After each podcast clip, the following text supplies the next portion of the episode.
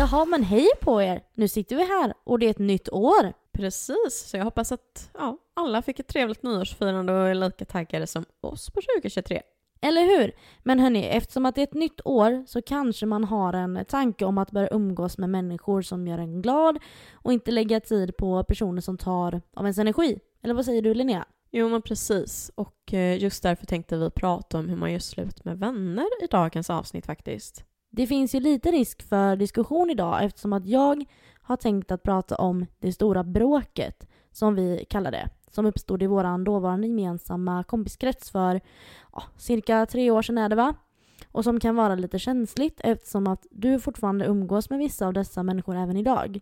Jag kommer att använda det bråket som ett exempel att utgå ifrån när jag pratar om hur man gör slut med en grupp vänner och inte bara en kompis så att säga. Men eh, det tar vi lite längre in i avsnittet va? Oj, ja, vi får se hur detta slutar. Det kanske blir vi som gör slut. Det återstår att se. Nej, vad fan. Nu drar vi igång veckans podd.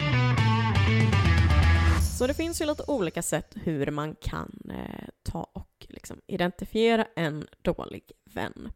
Så att, eh, shoot, Louise. Ja, det första jag kom att tänka på när vi satte detta som ett tema på avsnittet var att det kan ju vara lite svårt att veta om man har en dålig vän. Så därför tänkte jag med att eh, vi börjar lista några grejer jag tycker är tecken på att du har inte en så bra vän omkring dig. 1. Lägg märke till om personen blir glad för din skull. När du lyckas med någonting som gör dig stolt eller väldigt glad. Om personen försöker förminska det du gjort eller inte ger någon positiv respons alls så är det ett tecken på att det inte är någon som vill dig väl. Detta gör personen garanterat på grund av avundsjuka. 2. Allting ni gör sker på din kompis villkor. Det är nästan alltid på din kompis villkor, till exempel när ni ska ses eller vad ni ska göra.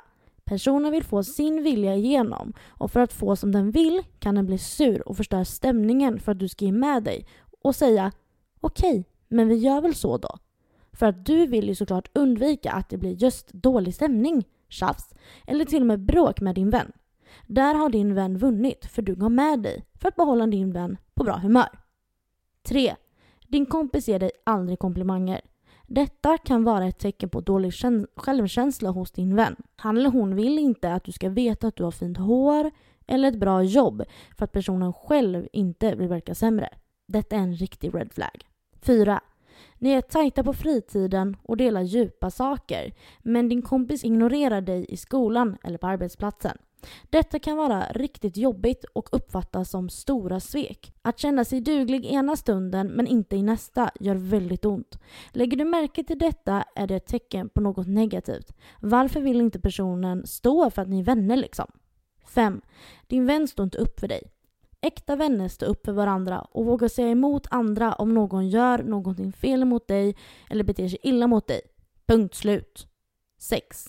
Bjuder inte med dig på fester utan exkluderar dig när ni är med varandra i en större grupp av personer. Detta är lite som personer som ignorerar dig i skolan eller på jobbet.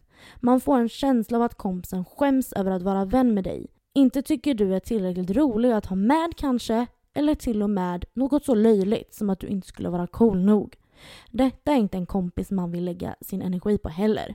Vad säger du om de här sex punkterna nu då Linnea? Alltså grejen är ju att jag tänker att det kan vara ganska så svårt ibland att uh, veta när någon är en dålig vän just för att jag helt ärligt ofta tänker tanken det kanske, det kanske är jag som är problemet. Har du hört Taylor Swifts uh, Anti-Hero? Uh, kan du remind me? It's me, hi, I'm the problem, it's me. Ja, ja, den har jag hört. Väldigt bra sång av mig. Uh, nej men för att det är så viktigt i alla fall att ta ett steg bakåt ibland och kolla på situationen utifrån. Vad gör jag då? Det är lätt att klandra någon annan men så gör man exakt samma sak själv. Liksom. Typ som att eh, ja men hen hör ju aldrig av sig så varför ska jag? Ja, så att där är ju egentligen då det första problemet. Men till dina punkter nu då. Lägg märke till om personen blir glad för din skull. Ja, men det här är ju uppenbart tycker jag. De personerna som inte kan vara glad för en skull är inte äkta vänner. Men det finns ett undantag som jag vill nämna. Det finns situationer där man märker att någon inte är bra egentligen. Eh, eller vad säger någon? Något såklart. Och då är det ju svårt att glädjas för allt man vill är ju egentligen då att skrika. Hur fan tänker du nu? ja, Så att typ, eh, ja men du vet om någon kompis går in i ett förhållande med en, eh, någon som man bara, men vad fan, är det så jävla smart? Självklart är man ju lite glad för personen men samtidigt blir det så här, nej. Och hur som helst då så håller jag ju dock med dig. Framgångar ska endast hyllas, speciellt när det är en vän. Allting ni gör sker på din kompis villkor. Det här med att man ska ge med sig är ju inte vänskap. En vänskap ska vara ge och ta. En tvåsidig gata är plats för båda två. Jag förstår att det inte alltid går, men det fungerar inte att det ska vara så för jämnan, att någon ska gå med på liksom den andra personens villkor jämt. Din kompis ger dig aldrig komplimanger. Helt ärligt, den här tycker jag är ganska så svår. För det är ju lite så här, mycket ligger också i hur man är som person själv. Jag till exempel kan vara väldigt dålig på att ge komplimanger verbalt, just för att många gånger så tänker jag tanken, men den kommer liksom inte ut ur munnen. Det behöver inte alltid handla om just självkänslan i det här fallet, men däremot kanske huruvida personen själv då har fått ta del av komplimanger genom åren. Men det är bara min teori. Jag tänker däremot att man ska akta sig för de som väljer att använda sig av kränklimanger. Typ “Åh, ditt skratt är så härligt”. Det är typ som en häxa liksom. Eller något liknande. Alltså, det är ett dåligt exempel men jag tror att min poäng kom fram. Ni är tajta på fritiden och delar djupa saker. Men din kompis ignorerar dig i skolan eller på arbetsplatsen. Kasta människan direkt. Det finns typ inget annat än att säga om det. Jag tycker det är så galet vidrigt när folk beter sig så. En äkta vän är glad över att vara din vän. Din vän står inte upp för dig. Alltså ja, det, det är ju ganska uppenbart. Det är ju extremt dåligt. Säger eller gör någon något mot ens vän så säger man ifrån direkt. Och det är liksom punkt och end of story. Bjuder inte med dig på fester utan exkluderar dig när ni är med varandra i en större grupp av personer. Den här punkten, jag anser ju helt ärligt att den här är svår för att jag ser den som två egentligen. Den påverkas av åldern. För att som barn och tonåring, då, är det, då kan jag nog tycka någonstans att det är elakt oavsett. För då betyder status och vänner så galet mycket mer än vad man liksom, mer än vad man anar. Men som vuxen blir det lite annorlunda för att alltså det är elakt att exkludera, ja. Det är liksom ingen tvekan om det. Men det beror lite på situationen eftersom man som vuxen oftast har mer koll på vad man själv tycker om att göra. Så bjuder jag inte in någon specifik på en, eh, en förfest exempelvis så är det inte det för att vara elak utan för att jag vet att hen ändå inte gillar att festa. Förstår du hur jag menar? Ja, jag förstår absolut hur du menar och eh, jag tycker väl att det här med att, eh, ja, de, så här, de här punkterna, de riktar ju sig både till vuxenlivet och till när man kanske går mer i skolan och har mer den typen av umgänge så. Så att jag tror att man måste, man måste utgå, man måste alltid utgå ifrån var man är i livet och hur, som du sa det här med att när man är lite yngre så betyder ju status och vänner på ett helt annat sätt än vad det gör i vuxen ålder. Där är inte statusen, det finns ju typ inte riktigt. Utan det handlar ju mera om eh, att man kanske blir mera kränkt kanske över att, ja men oj jag trodde att vi var bättre vänner, vi har känt varandra så här och så här länge. Varför beter du dig annorlunda nu helt plötsligt och inte väljer att bjuda med mig på den här festen? Eller eh, bjuder med mig på midsommar? Vad, jaha? Jag tror att, eh, som du säger, det är väl lite åldersrelaterat också så. Men eh, ja, jag tror att vi lämnar punkterna och går vidare till eh, nästa. Ja, Linnea. Sen är det ju så här att eh, jag tyckte att vi skulle prata lite grann om att man kan ha kompisar till typ olika saker. Och det jag menar med det är ju att det är ju så att alla människor är olika och därför är det inte konstigt att man har olika typer av kompisar heller. Man kan ha olika typer av kompisar utan att värdera dem. Till exempel, vissa är ens kompisar på aktiviteter man håller på med, typ fotbollen. Man firar liksom inte midsommar ihop då. Andra kanske är mer festkompisar som är roligt att träffa när man ska dra ut på krogen eller så. Men man kanske inte heller ringer till dem när man mår dåligt för så nära är man inte. Hur tänker du kring det? Jag förstår precis eh, vad det är du tänker på. Jag skulle nog ändå vilja påstå att alla har sådana vänner. Under tonåren var det ju definitivt så. Vissa kunde jag umgås med på alla tänkbara sätt. Ungefär som ja, men en av mina äldsta vänner. Henne kunde jag ju ändå umgås med och göra i princip vad som helst. Medan vissa då endast funkade som vänner att ha djupa samtal med. Medan andra hängde jag egentligen med bara för att få ett ordentligt skratt. Men nu egentligen i vuxen ålder så tycker jag nog nästan att det är, men det är lite annorlunda ändå skulle jag vilja påstå. För att idag, eh, alltså det kan ju också vara att det handlar lite om hur, person, alltså hur man är som person. Men typ som jag skulle nog kunna prata djupt med majoriteten. Men kanske istället då inte festa med alla eller åka iväg på semester med alla. Så det är väl lite på ett annat sätt men ändå typ på samma sätt. Ja, alltså jag har ju till exempel en kompis som inte tycker det är roligt att festa och tycker inte om sociala sammanhang heller speciellt mycket. Och vi har kommit fram till att vi trivs bäst med varandra i vårt eget sällskap från bådas håll. Hon gillar inte att vara med på fest och jag är inte noga med att hon är med heller. För hon har ändå, alltså inte kul och de Typen av sammanhang är inte för henne. Vi har det som bäst när vi bara är hon och jag och gör saker tillsammans. Vi vill ha varandra lite för oss själva eller vad man ska säga. För det, det är så vi funkar bäst. Jag tycker ändå att det är ganska så gulligt att ni två liksom är i, ja men lite i eran egna lilla bubbla kan man ju nästan säga. Och att det blir lite som, eh, om du vet som när man var barn. Då var man ju väldigt såhär, nej det är min bästis, hon är inte din bästis, hon är min. Ja men det är typ lite så. Inte av anledning, jo men så här helt ärligt. Det, hon har ju haft eh, en annan kompis då som hon umgås lite grann med. Hon har kompisar, det är inte det jag menar. Men hon har en annan kompis som hon umgås med ganska mycket också. Eh, och eh, när de eh, pratade om att de skulle åka till London, då kände jag... Det kändes som att hon var, jag kände som hon var otrogen mot mig. Jag bara, vi har aldrig varit utomlands och så ska du åka med henne. Ja, du vet, du tyckte det var lite jobbigt. Ja, alltså det här var ju inte länge sedan så att man är ju vuxen, man fattar ju liksom att så. Men, och hon har sagt det också så här, typ när nu vi poddar. Sorry, alltid är det gumman. Men då har hon liksom sagt, ja jag är typ avundsjuk för att du spenderar så mycket tid med Linnea. Nej men gulle! Och jag bara, ja men du får ju...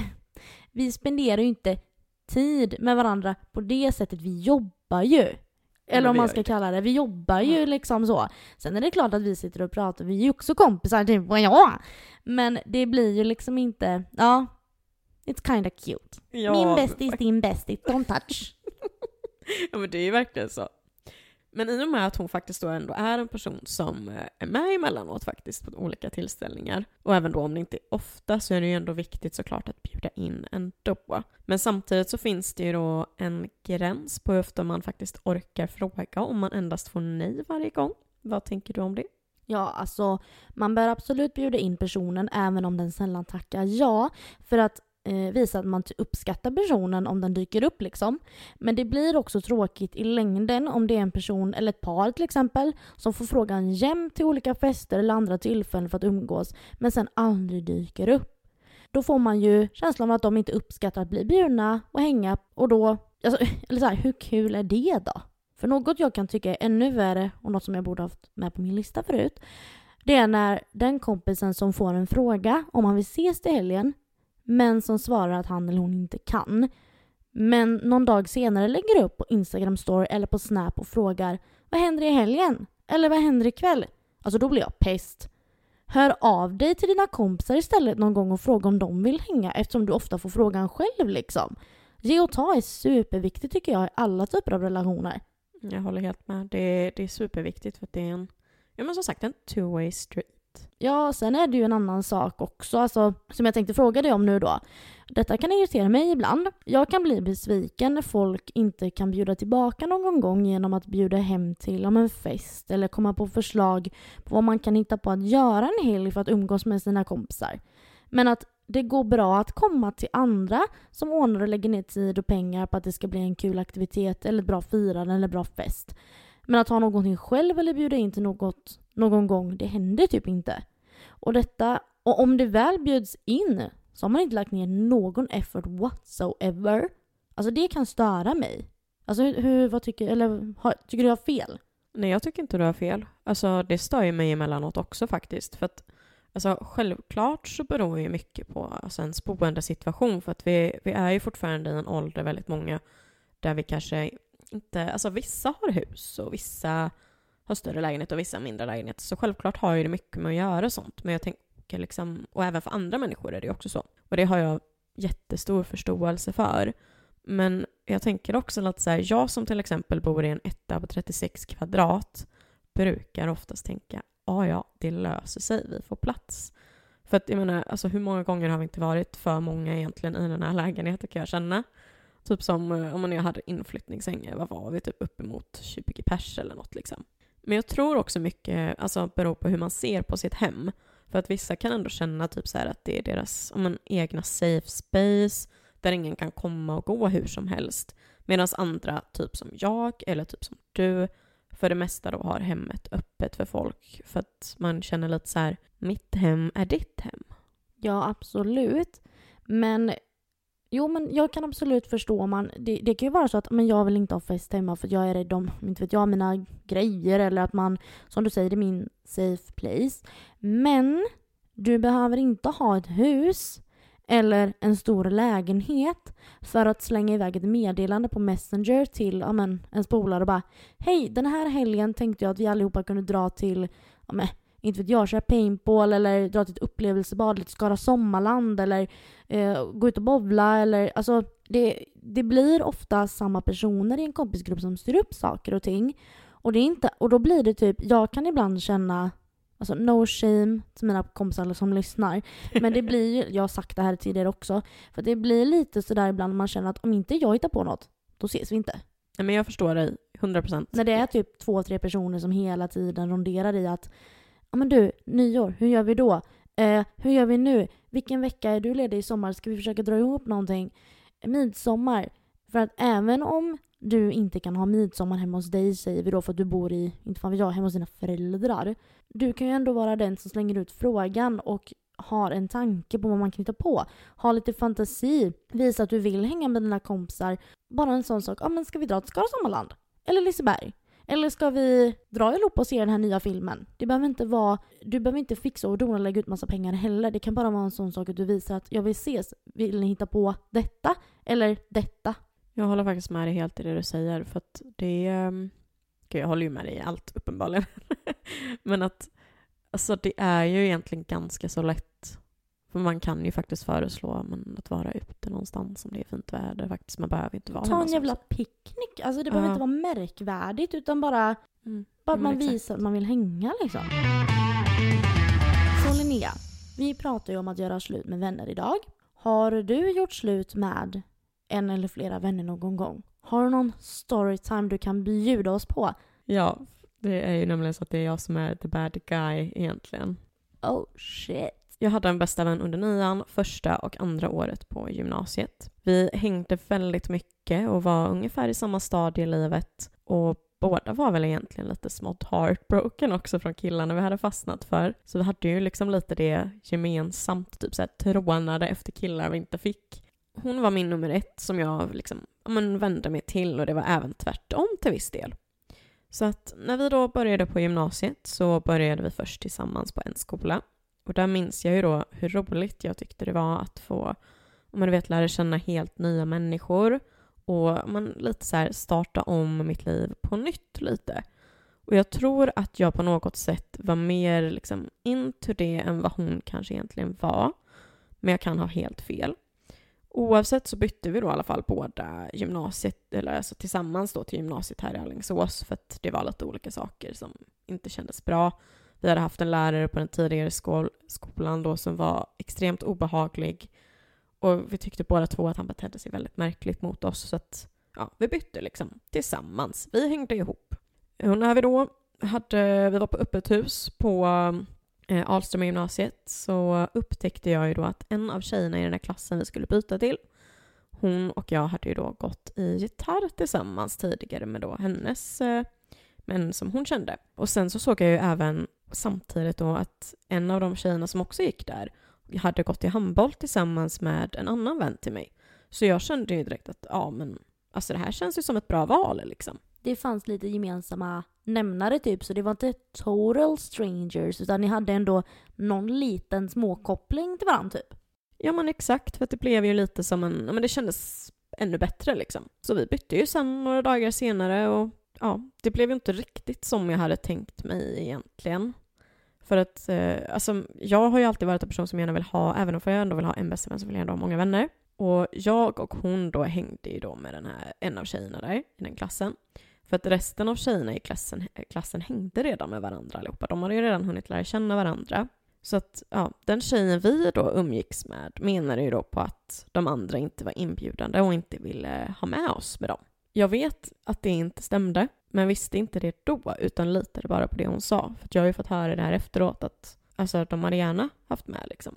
Jag ville ju då som sagt egentligen hänga med alla, men vi var bara vi tre hela tiden och jag tyckte väl med tiden i skolan att fan, det var inte så här jag ville ha det. Och jag och min bästis då, vi umgicks ju även privat som vanligt utan den tredje. Hon var faktiskt mest egentligen bara en klasskompis. Det kan ju låta hårt, men det är bara fakta. Jag eh, klickade inte med henne. Alltså det var inte, det var inte rätt person för mig. Så att i tvåan på gymnasiet så började jag mer och mer känna att nej, jag vill också hänga i ett stort gäng och lära känna de andra också.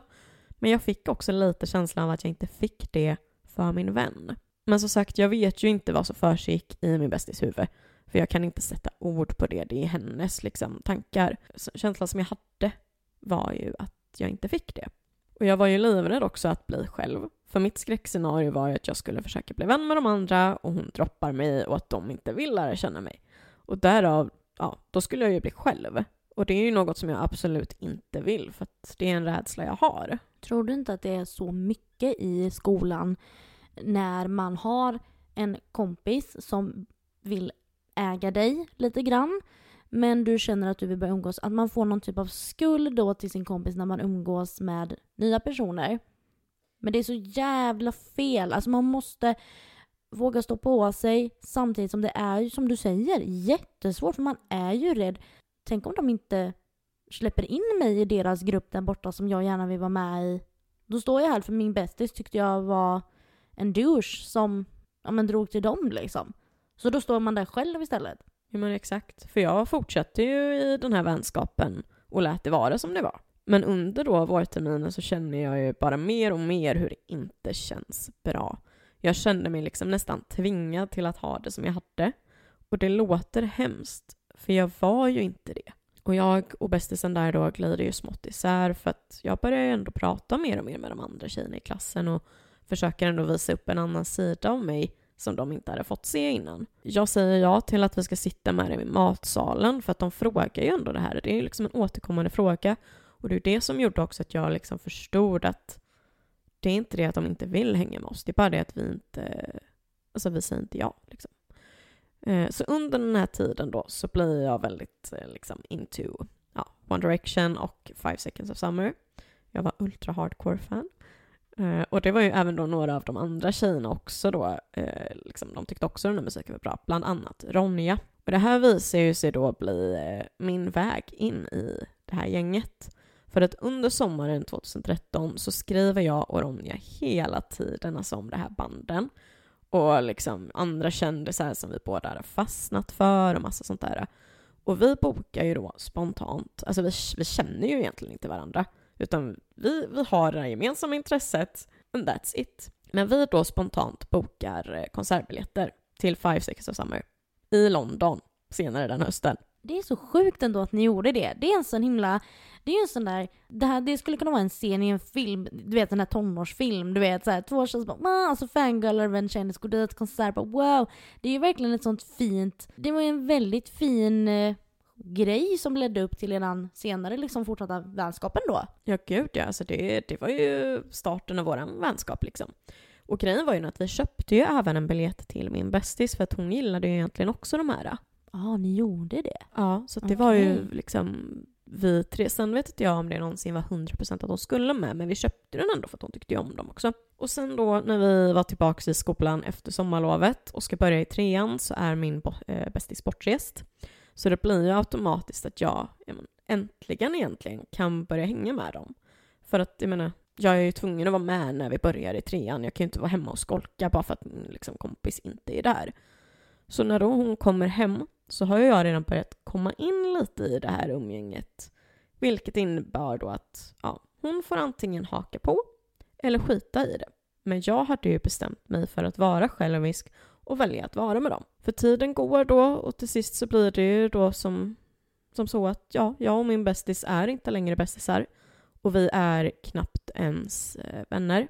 Och jag skötte ju det här då alltså på ett så extremt dåligt sätt. då jag aldrig egentligen riktigt gav henne en ordentlig förklaring till varför jag lämnade vår vänskap egentligen. Jag ville egentligen nog någonstans ha fler vänner och hon blev liksom egentligen offret i mitt val. För att, alltså, grejen var ju den att jag, eh, alltså jag ghostade ju inte, men jag liksom lämnade ju, jag lät henne då att, alltså självklart så här, man är, man är i den åldern så är man ändå, man är 18, man börjar bli vuxen, man har ett eget val, hon fick ju vara med, det var inte det att hon inte fick. Men samtidigt så kunde jag ha skött det på ett snyggare sätt. Men så här, nu måste jag stoppa dig. Vad är det du menar att du skulle ha skött på ett snyggare sätt? För då tänker jag i min tur då så här. Du gav ju henne chansen att vara med oss i vårat hela gäng. För att jag kommer inte vara attached bara till dig nu. Så att var och häng med oss för att jag vill hänga med dem. Och hon, vad var det som hände då? För du, du, du gav ju henne chansen att vara med er. Vad var det som hände då? För där tog ju hon då ett aktivt val att inte hänga med er. Så det var ju egentligen hon som tog avstånd från eran kompisrelation. För du ville ju ha med henne i din nya kompiskrets. Så det är egentligen här, från min sida av bordet, så tycker jag inte att det är du som är... Hon var den dåliga kompisen från början som var, som inte tillät dig hänga med de här nya personerna. För hon ville ju äga dig lite grann då. Så låter det, eller så tolkar jag det lite grann. Sen är det ju mycket mer detaljer till den här historien som inte, så, såklart, det, det finns det ju alltid. Men från det jag hör nu så känns det ju lite grann som att du gav ju ändå henne ett val att fortsätta hänga med er. Men då ville hon ha dig för sig själv. Hon kanske blev sårad, sårad av att du ville börja hänga med nytt folk, det kan jag också förstå. Men jag tycker ändå inte att du har gjort vrålfel här nej, alltså jag förstår hur du menar, men det handlar ju också om det här läget av att alltså jag var kort och dryg mot henne också. Alltså jag menar, jag, jag tror någonstans om jag liksom, det här är ju jättesvårt att minnas för det här är ändå nio år sedan. Men ett svagt minne i mig säger att liksom det kan ju vara så lite att jag kanske egentligen inte ville att hon skulle vara med heller för att jag hade tröttnat. Och det är också det som är själva grejen av att i och med att jag då var kort och dryg i tonen Alltså hur jävla gärna vill man vara med då? När jag egentligen är hennes alltså, trygga punkt i det här umgänget. Ja. Jo men det där känner jag igen från en egen situation som jag hamnade i när jag började sjuan. Då min bästis började hänga i en ny kompisgrupp som jag var med i. Men jag märkte att hon ville hänga med med dem. Så att jag hamnade lite grann utanför i den eh, kretsen. Så jag kan ju förstå, när du säger det så, så absolut, jag kan förstå hennes sida också. Om du då var dryg och liksom hon förstod att hon kände väl att aha, hon säger det här för att hon typ måste fråga om jag vill vara med. Fast hon vill egentligen inte. Och då blev det att ni hördes antagligen mindre och mindre och till slut så fanns det ingen vänskap kvar alls. Precis, för det är ju det som är det tråkiga att istället då för att jag egentligen bara förklarar för henne att så här känner jag, jag, eh, jag vill ha fler vänner, jag vill liksom ha ett större umgänge. Det är inte det att jag inte tycker om det, det handlar bara om att, att jag är trött på att situationen ser ut så här jag borde någonstans ha förklarat det. För att grejen är ju fortfarande den att jag var fortfarande, alltså absolut, jag förstår vad du menar, men det var fortfarande jag som gjorde fel för att jag hade kunnat hantera situationen på ett helt annat sätt. Men det som dock är, är ju att jag känner dock någonstans att som tur var, i det här som hände så var det ju ändå värt det. För att nu nio år senare så är jag faktiskt fortfarande kompis med de här tjejerna Alltså Ronja, Jusse och Alida. Så att alltså, det hade varit en sak om det liksom var att jag inte var vänner med dem längre. Då hade det ju varit så bara, jaha, kastar jag min bästa vän för att sen inte vara vän med de andra ändå? Men som tur är, och som vi säger i den här podden, summa summarum, summa summarum, menar jag. summa summarum, vad är det man säger? Summa summarum. Ja, jo, jo, men vad är det man säger? Eh, inte snipp, snapp, snup av sagans slut, utan så här lyckligt slut. Vad är det man säger? Skitsamma. Det blev ett lyckligt slut! Ja, nu har vi kommit fram till det här när det blir bråk i en större vänkrets. Ja, och jag hatar det som du vet. Jag hatar ju när folk ska ta ett beslut åt andra människor. Huruvida man får umgås med sina vänner eller inte. För det är ju inte mitt val som sagt. Nej, alltså vi har ju nämnt lite smått i ett tidigare avsnitt något vi kallar för det stora bråket. Och jag tänkte att vi skulle prata om det nu. Men tyvärr, höll jag på att säga, kan vi inte ta hela historien och vi behöver utelämna vissa detaljer på grund av att ja, du och Linnea då umgås ju med delar av denna vänkrets än idag. Ja, jag gör ju det och eh, jag känner ju att jag väldigt gärna vill kunna fortsätta göra det. Men eh, samtidigt så handlar ju faktiskt avsnittet om hur man gör slut med vänner och luften ska vara fri. Så jag tänker ju inte stoppa dig från att berätta din historia, precis som jag fick berätta min tidigare. Och jag tror även att eh, ja, det kan ju vara så att det väcks lite känslor från vissa. Och med det sagt så är det faktiskt ändå så att alla mynt har, ja, eller i det här fallet så är det ju en tärning har ju fler sidor än en. Så att, ja, varsågod Louise, det här är din sida. Det jag kan säga är att det var en person, som vi idag kommer kalla för Kim, i den här stora vänkretsen som gjorde en sak. Och den här saken trampade way över min tröskel av respekt vid två tillfällen. Första tillfället var inte jag inblandad i, men jag tyckte den situationen var väldigt illa då den involverade en nära vän till mig. Och när sedan en grej nummer två då hände så kunde jag inte acceptera det beteendet som personen i frågan hade. Och eftersom min respekt redan hade sjunkit som fucking Titanic för den här personen på grund av grej nummer ett som Kim hade gjort så valde jag och Linus, som var vän från början med Kim, att säga stopp. Vi berättade för Kim att hen inte var välkommen hem till oss under en tid för att jag kände att jag behövde fundera om jag ens ville umgås mer med Kim överhuvudtaget efter allt som hade hänt. Och jag ville inte att hen skulle komma hem till oss på fest eller liknande under den perioden som var på obestämd tid då. Och lite längre fram så har ett par som är vänner till mig och Linus då, men inte är med i den här stora kompiskretsen, en fest. De som hade festen då ville inte bjuda in Kim på grund av det som hade hänt, för de stod inte bakom det som hen var involverad i. Fullt rimligt tycker jag, men det var andra som inte tyckte likadant. Så det som hände då och gjorde att hela det här bråket eskalerade var att ett par i stora kompiskretsen valde att försvara Kim och därmed la sig i mitt och Kims bråk helt i onödan då det redan hade gått ett tag liksom och saker hade lugnat sig samt att de inte hade något med det överhuvudtaget att göra. Med det så blev allt större än vad det hade behövt bli och ingen av oss är ju vänner idag. Nej, det är ju alltså jag tycker ju att det är så himla tråkigt att det behövde sluta på det sättet. Alltså egentligen. Hade jag fått välja hade vi ju alla varit ja, en fortsatt liten familj som bara fortsatte växa med fler och fler tillkomna vänner. Eh, vad, vad, tror du egentligen vi hade varit uppe i? Låt säga nu att inte det här hände. Jag menar, vi var ju 16 personer från början. Hur många? Alltså så här helt, helt ärligt. Jag tror att vi hade kunnat varit upp mot en eh, 16, 17, ja, men 25 kan, ja, 25, men ja, mellan 22 och 25 ja, men i alla fall. Ja, det är ju helt sjukt Stående egentligen. kompisgrupp liksom. Ja. Alla serier har ju ett slut. Ibland kommer det nya säsonger, ibland blir serien inställd och får ingen fortsättning. Och man blir såklart lika ledsen varje gång och man kommer sakna den emellanåt och ibland jättemycket. Och samtidigt i allt det så går ju faktiskt livet vid, eh, ja, vidare som det gör med allt. Ja, och med detta så ska ju också sägas att vi hade ju så fruktansvärt roligt också. Jag ska ju inte säga att jag tyckte illa om de här personerna innan det här stora bråket skedde. För det gjorde inte jag. Visst, det fanns ju vissa man klickar mindre med och vissa man klickar bättre med. Det, så är det ju i alla typer av grupper med människor. Men det, det här stora bråket kan ju inte ta ifrån oss att vi hade så himla roliga stunder också. Så är det ju. Allting var ju inte falskt och piss och skit liksom, utan det var ju liksom också... Man har fina minnen också. Det, det ska ju ändå sägas då. Men det skiter vi i nu, för nu ska vi fortsätta prata om hur man gör slut med de här människorna då. Jag vill att vi också ska nämna det här med lojalitet bland vänner. Hur ser du Linnea på situationer där man ställs mot väggen av vännerna i sin kompisgrupp? Till exempel då när ett bråk brutit ut i en vänkrets och så får man frågan Vems sida står du på egentligen? Jag vill inte att du umgås mer med henne, för hon är en idiot. Hur hanterar man dessa situationer?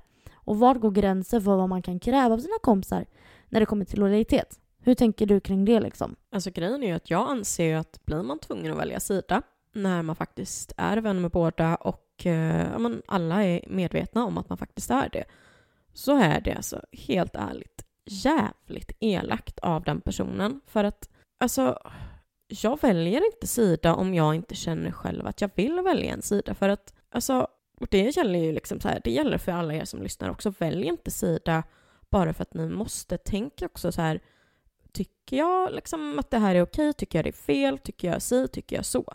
Liksom, I det här fallet så var jag väldigt noga med att men, ni båda är mina vänner. Sen så allt beror ju på hur den andra då personen väljer att reagera i sin tur. Jag tycker att det är liksom så här, alltså man ska lyssna på sin egen instinkt och sina egna känslor för att det är så viktigt. Och kan inte andra respektera det så är det alltså, faktiskt väldigt, väldigt tråkigt beteende från den andra personen som kräver det här. Jo, men så är det ju absolut. Och jag tycker det är fel att tvinga alltså, vänner att välja parti.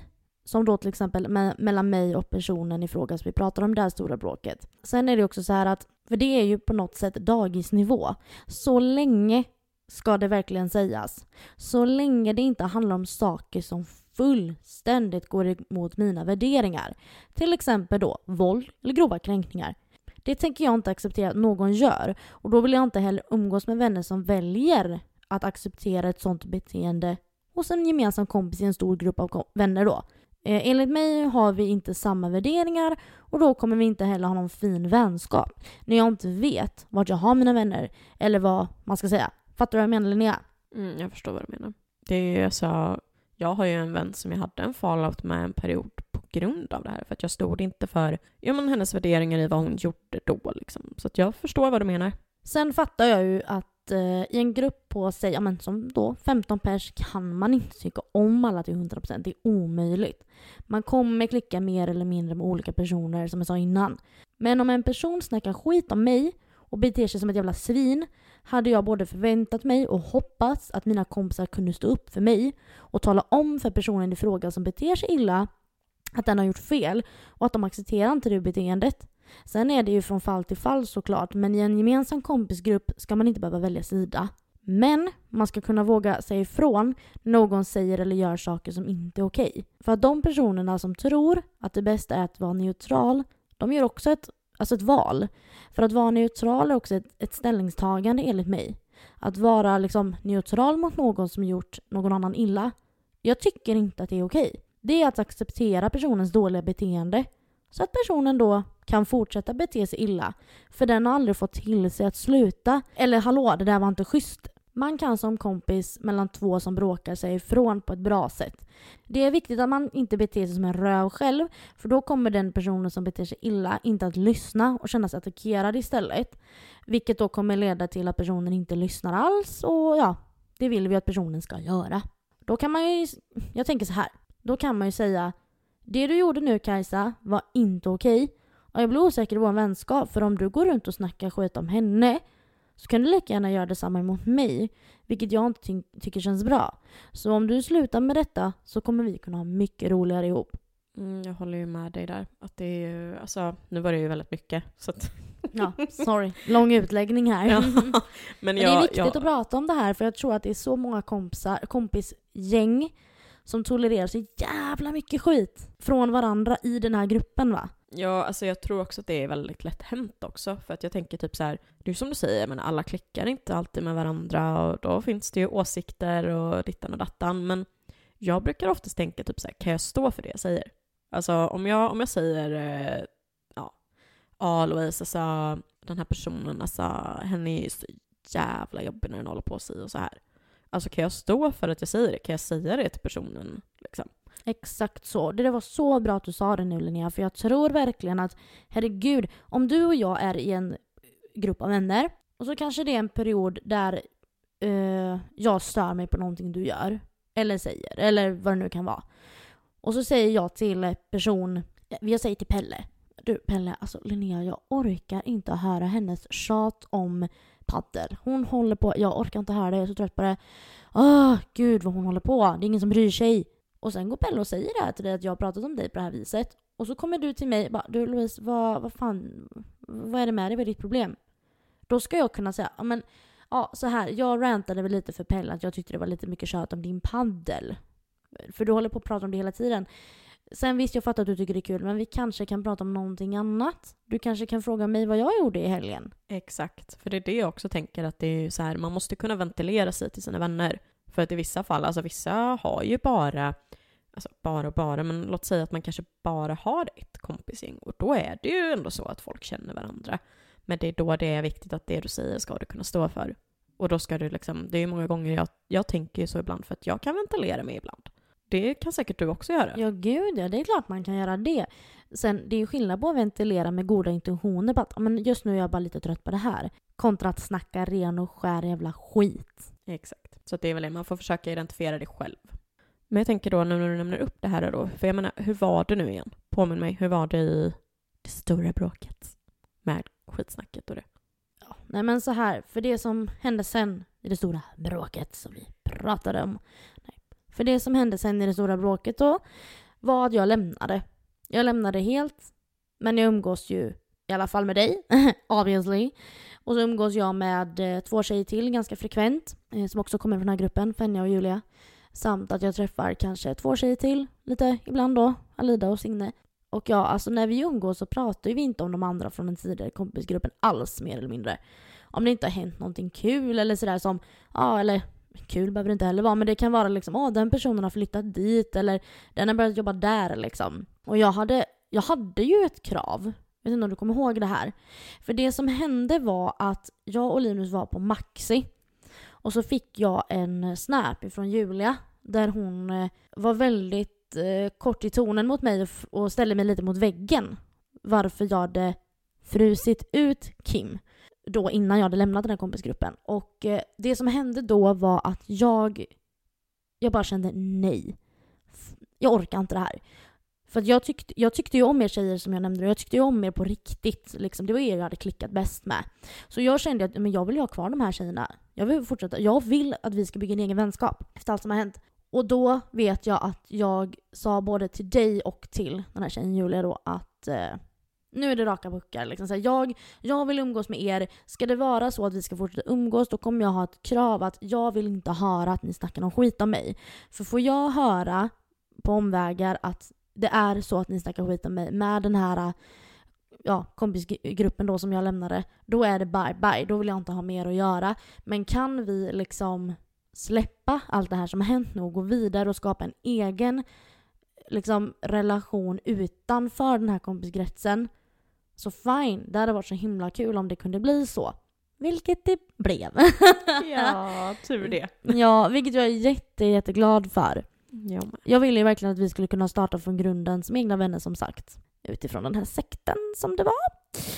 It was ja. cute. Skitsamma, vi släppte det och gick vidare på vänskap och har utvecklats. Och den har utvecklats till det den är idag. Exakt, och det är ju det som är också, man får, jag tror att det är viktigt när det händer sådana här bråk, alltså just i en för att det är oundvikligt. Sen huruvida grovt bråket kan bli eller inte, det är ju olika. Men jag tror att det är viktigt att ha i åtanke att är det någon person som, du, som försvinner ur gruppen men som du tycker om, alltså bara för att den personen inte är med i gruppen längre, du kan ju fortfarande vara vän med den, skapa en ny vänskap, skapa, alltså det går ju om man vill allt handlar ju bara om hur mycket tid man själv lägger. Ja, det som eh, kan hända då, som jag tror att om det är en kompisgrupp och eh, en person lämnar den på grund av ett bråk så kanske det är någon kvar i den här gruppen som bara nej, varför, nej vad synd, jag vill ju verkligen hänga med den här personen då. Men den kanske inte vågar göra det för att den är rädd att få skit för resten av gruppen och då väljer att stöta ut dig med.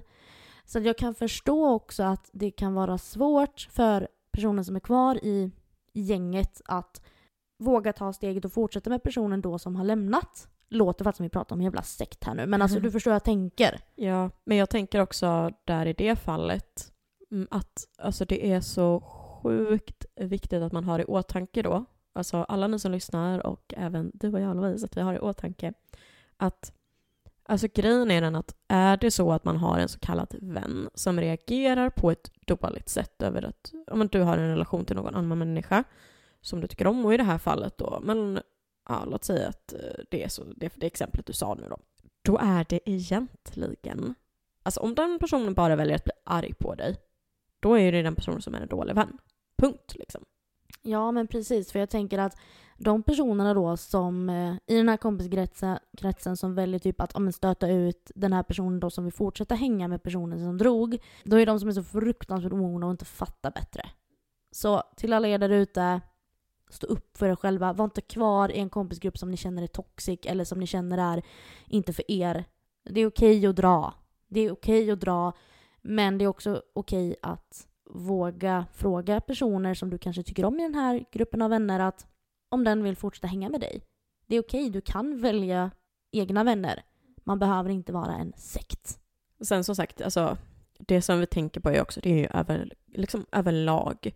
Allting som vi säger är ju inte specifikt. Jag tror, det är också så här, jag vill understryka det också just för att Alltså vi pratar ju övergripande på grund av att självklart får man ju inspiration av det som hände. För att man vet ju mer och mer hur man tänker och lite sånt där. Men allt som vi nämner nu som för, alltså exempel, det betyder ju inte att det just hände i bråket nu som var det sista som vi nämnde här. Sen är det ju så här att eh, det här är ju också, är det tre år sedan? Ja. Så jag menar snälla någon, om det är någon som blir buttered över det här, men snälla har ni inte mognat mer på tre år? Förlåt, jag måste bara säga det. Ja men, jag, nej men alltså på riktigt, det har gått tre år. Man måste kunna prata om saker och ting. Man behöver inte ta illa upp. Nej. Nej, alltså det behöver man inte. Så hur gör man nu då slut med en vän? Återigen, jag utgår ifrån i fallet det stora bråket. Där så la ju väldigt många sig i och eh, ja, man hörde saker från olika sidor. Så jag valde att skicka ett meddelande i den Facebook-chatt som alla var med i. Och jag skrev ungefär så här för att förklara vad eh, som hade hänt för, alltså för allihopa på exakt samma sätt. Jag kan skriva till alla en och en, men helt ärligt varken orkar eller vill jag inte lägga ner den tiden. Det är så mycket skitsnack, lögner och missuppfattningar till höger och vänster kring situationen mellan mig och Kim just nu. Jag har min uppfattning om vad som är sagt och gjort och Kim har sin, samt de som har valt att lägga sig i. Detta var mellan mig och Kim och det hade kunnat lösas så mycket enklare men har istället ballat ur. Jag tror inte det kommer vara varken genuint eller roligt att umgås mer då detta redan har förgiftat hela gruppen. Som sagt, det är en enda röra och man vet inte vad som är sant eller vad som är sagt och gjort av vem eller vilka längre. Jag vet inte vad som händer nu, om jag kommer vara kvar i gruppen på samma sätt som såklart hade varit mycket roligare, eller om det är färdigt här. Jag är bara uppriktigt förbannad och delvis ledsen trots att jag vet att ansvaret för vad som hänt inte ligger hos mig. Det är min sida av det hela och man kan tolka händelser på tusen olika sätt men jag bär inte ansvaret för någon annans beteende mer än mitt eget. Vill någon mig något eller vill prata med mig så ta det med mig. Be inte någon annan göra det eller låt någon annan ta ansvaret över vad du själv faktiskt bör kunna stå för. Detta var ju vad jag skrev då. Men för att ge ett rakt tips så skulle jag säga att eh, antingen låt relationen rinna ut i sanden och svara inte och boka om tills personen i frågan antingen fattar hinten eller tröttnar tillbaka och slutar höra av sig. Det vill säga ghosta om man inte vågar vara ärlig.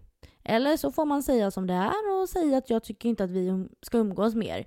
Jag känner så här och så här och så här. Så att personen förstår varför. För det tycker jag ändå är, men jag tycker ändå att det är viktigt om man ska aktivt göra slut med en vänskap som ändå haft fina stunder liksom. Och jag vet att så här, ah, man ska inte ghosta och hitta en dit och.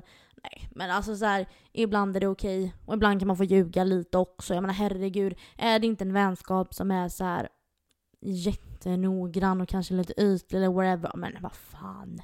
Ja, när du sa ghosta så blev jag direkt så jag bara Louise. Ja, ja, men vad fan, ibland kan man få ta lite fula medel. Det är, ibland, man ska inte göra det till en vana, man ska inte ljuga, man ska inte ghosta och sådär. Men ibland så får man dra en liten nödgrej. För det finns ju faktiskt de som inte vågar stå upp. Till exempel som du själv. då när du var med dina kompisar där i gymnasiet, då vågade ja, du ju ja, inte. Ja, du gjorde ju det här själv. Och jag menar så här, ibland så har nöden ingen lag. Vill du bli av med en jobbig jävel så kanske det är det lättaste sättet. För den kanske inte heller, jag vet inte. Nej, det var mina tips. Ghosta skiten ur personen eller säg som det är. Ja, nej, jag tänker ju att är man vuxen så ska man ju inte ghosta, men eh, ja, absolut, you do you. Jag tänker ju då så här istället då, eftersom att jag själv faktiskt var den dåliga vännen i en sån här situation när man ska göra slut med en vän, så skulle jag ju absolut säga prata med varandra. Och jag kan inte understryka kommunikation mer än att faktiskt bara säga det. Ge kanske vännen en chans också att säga sitt. Alltså ni blev trots allt vänner av en anledning. Och var tydlig med vad som tynger dig eller relationen till varandra. För ibland kan det helt enkelt vara så att man inte känner för att hänga längre, men i vissa fall så är det något som har hänt. Men var också tydlig med det då så att inte personen går därifrån och tänker vad har jag gjort för fel? Det är också en sån sak som är, alltså det är väldigt lätt hänt att man bara säger nej, jag vill inte vara vän längre. Och så den andra personen bara, men jaha, okej, vad, vad är problemet? Jag trodde ju allt var bra. Typ, alltså, för det är en sån sak som också är så himla viktigt. Man kan inte bara du kan inte bara dra ur proppen och låta vattnet rinna ut liksom. Nej, alltså så här, jag håller ju med dig till 110%. När jag, när jag sa det här med att ghosta sådär, då menar jag liksom att så här, men är det, det finns tillfällen där det är okej. Det, jag tycker faktiskt att det gör det. Sen är det skillnad, är man, är man, är man riktiga bra kompisar, då är det klart att man inte bara ska Hörru, har det gott hej? Utan man får ju faktiskt, som då, det är ju lättare när man är vuxen att förklara varför. Jag kan tänka mig, men herregud, det var mycket lättare att bara dissa sin kompis när man gick i liksom högstadiet och gymnasiet kanske också vissa gånger. Så jag menar, det är ju skillnad också hur gammal man är och hur mycket pondus man har, för det krävs ganska mycket pondus. Och liksom, du ska vi ta en fika, jag behöver göra slut med dig. Ja. Det krävs ju ganska mycket pondus också.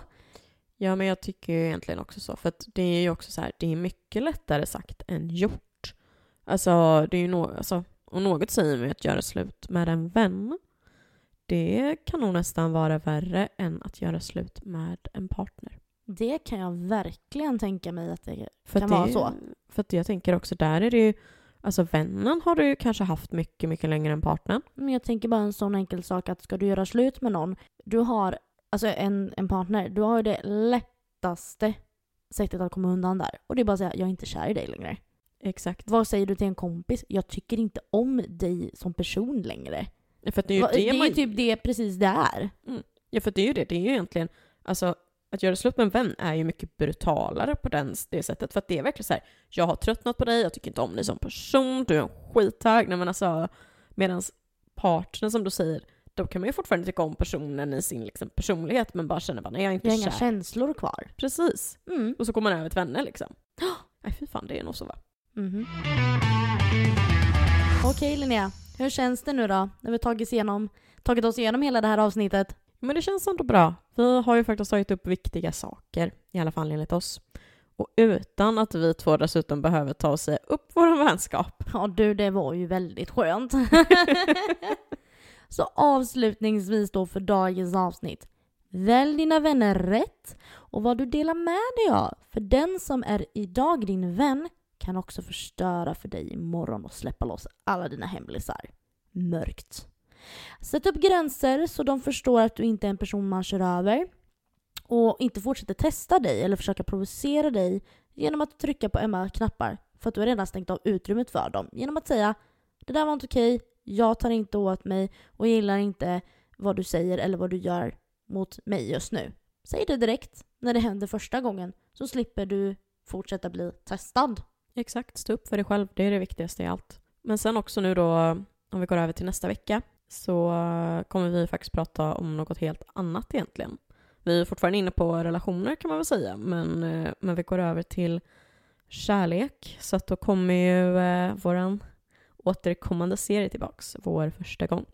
Så första gången eh, vi eh, ja, var kära. Det känns spontant som att det kommer bli ett fint avsnitt, väldigt patetiskt avsnitt, ett hjärtskärande avsnitt och ett väldigt hormonsprudlande avsnitt. Vad säger du? Vad tror du?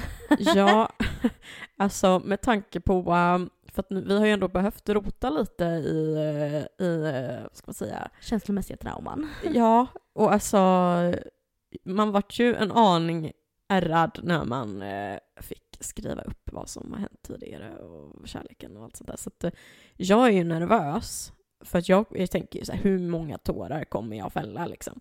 Men- Samma, samma, samma här. Fast jag är mer rädd för mycket magknip jag kommer få.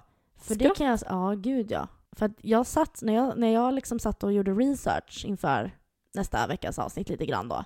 Jag fick så magknip. Samma magknip som jag hade då. Den kom tillbaka som ett liksom brev på posten. Men det ska vi prata mer om nästa vecka. Ja, gud, spännande. Mhm. Ja, fy fasen. Blir det skratt och tårar då eller? Antagligen. Herregud, vilket, eh, vilket yin och yang avsnitt. Men i alla fall, glöm inte att ge oss feedback på avsnittet. Antingen på DM på Instagram eller om ni hellre vill skriva till någon privat av oss. Men eh, vår gemensamma Instagram är Luften är fri podcast, som vi säger det. Eller eh, ja, alltså något som också hade varit kul är ju om det börjar komma in lite, lite eh, alltså, ja, men förslag på avsnitt eller eh, andra tankar kring det som vi pratar om eller ja, lite sånt där. Ja för fan, följ oss på Instagram där vi lägger ut alltså, veckans fredagslåt bland annat. Och massa annat roligt innehåll också som tillhör podden. Eh, och ge oss mer än gärna fem stjärnor på Spotify. Det kan bli en försenad julklapp från er till oss tänker jag. Perfekt. Men nu säger vi hej då. Hej då! Hej då! Ha det gött. Hej.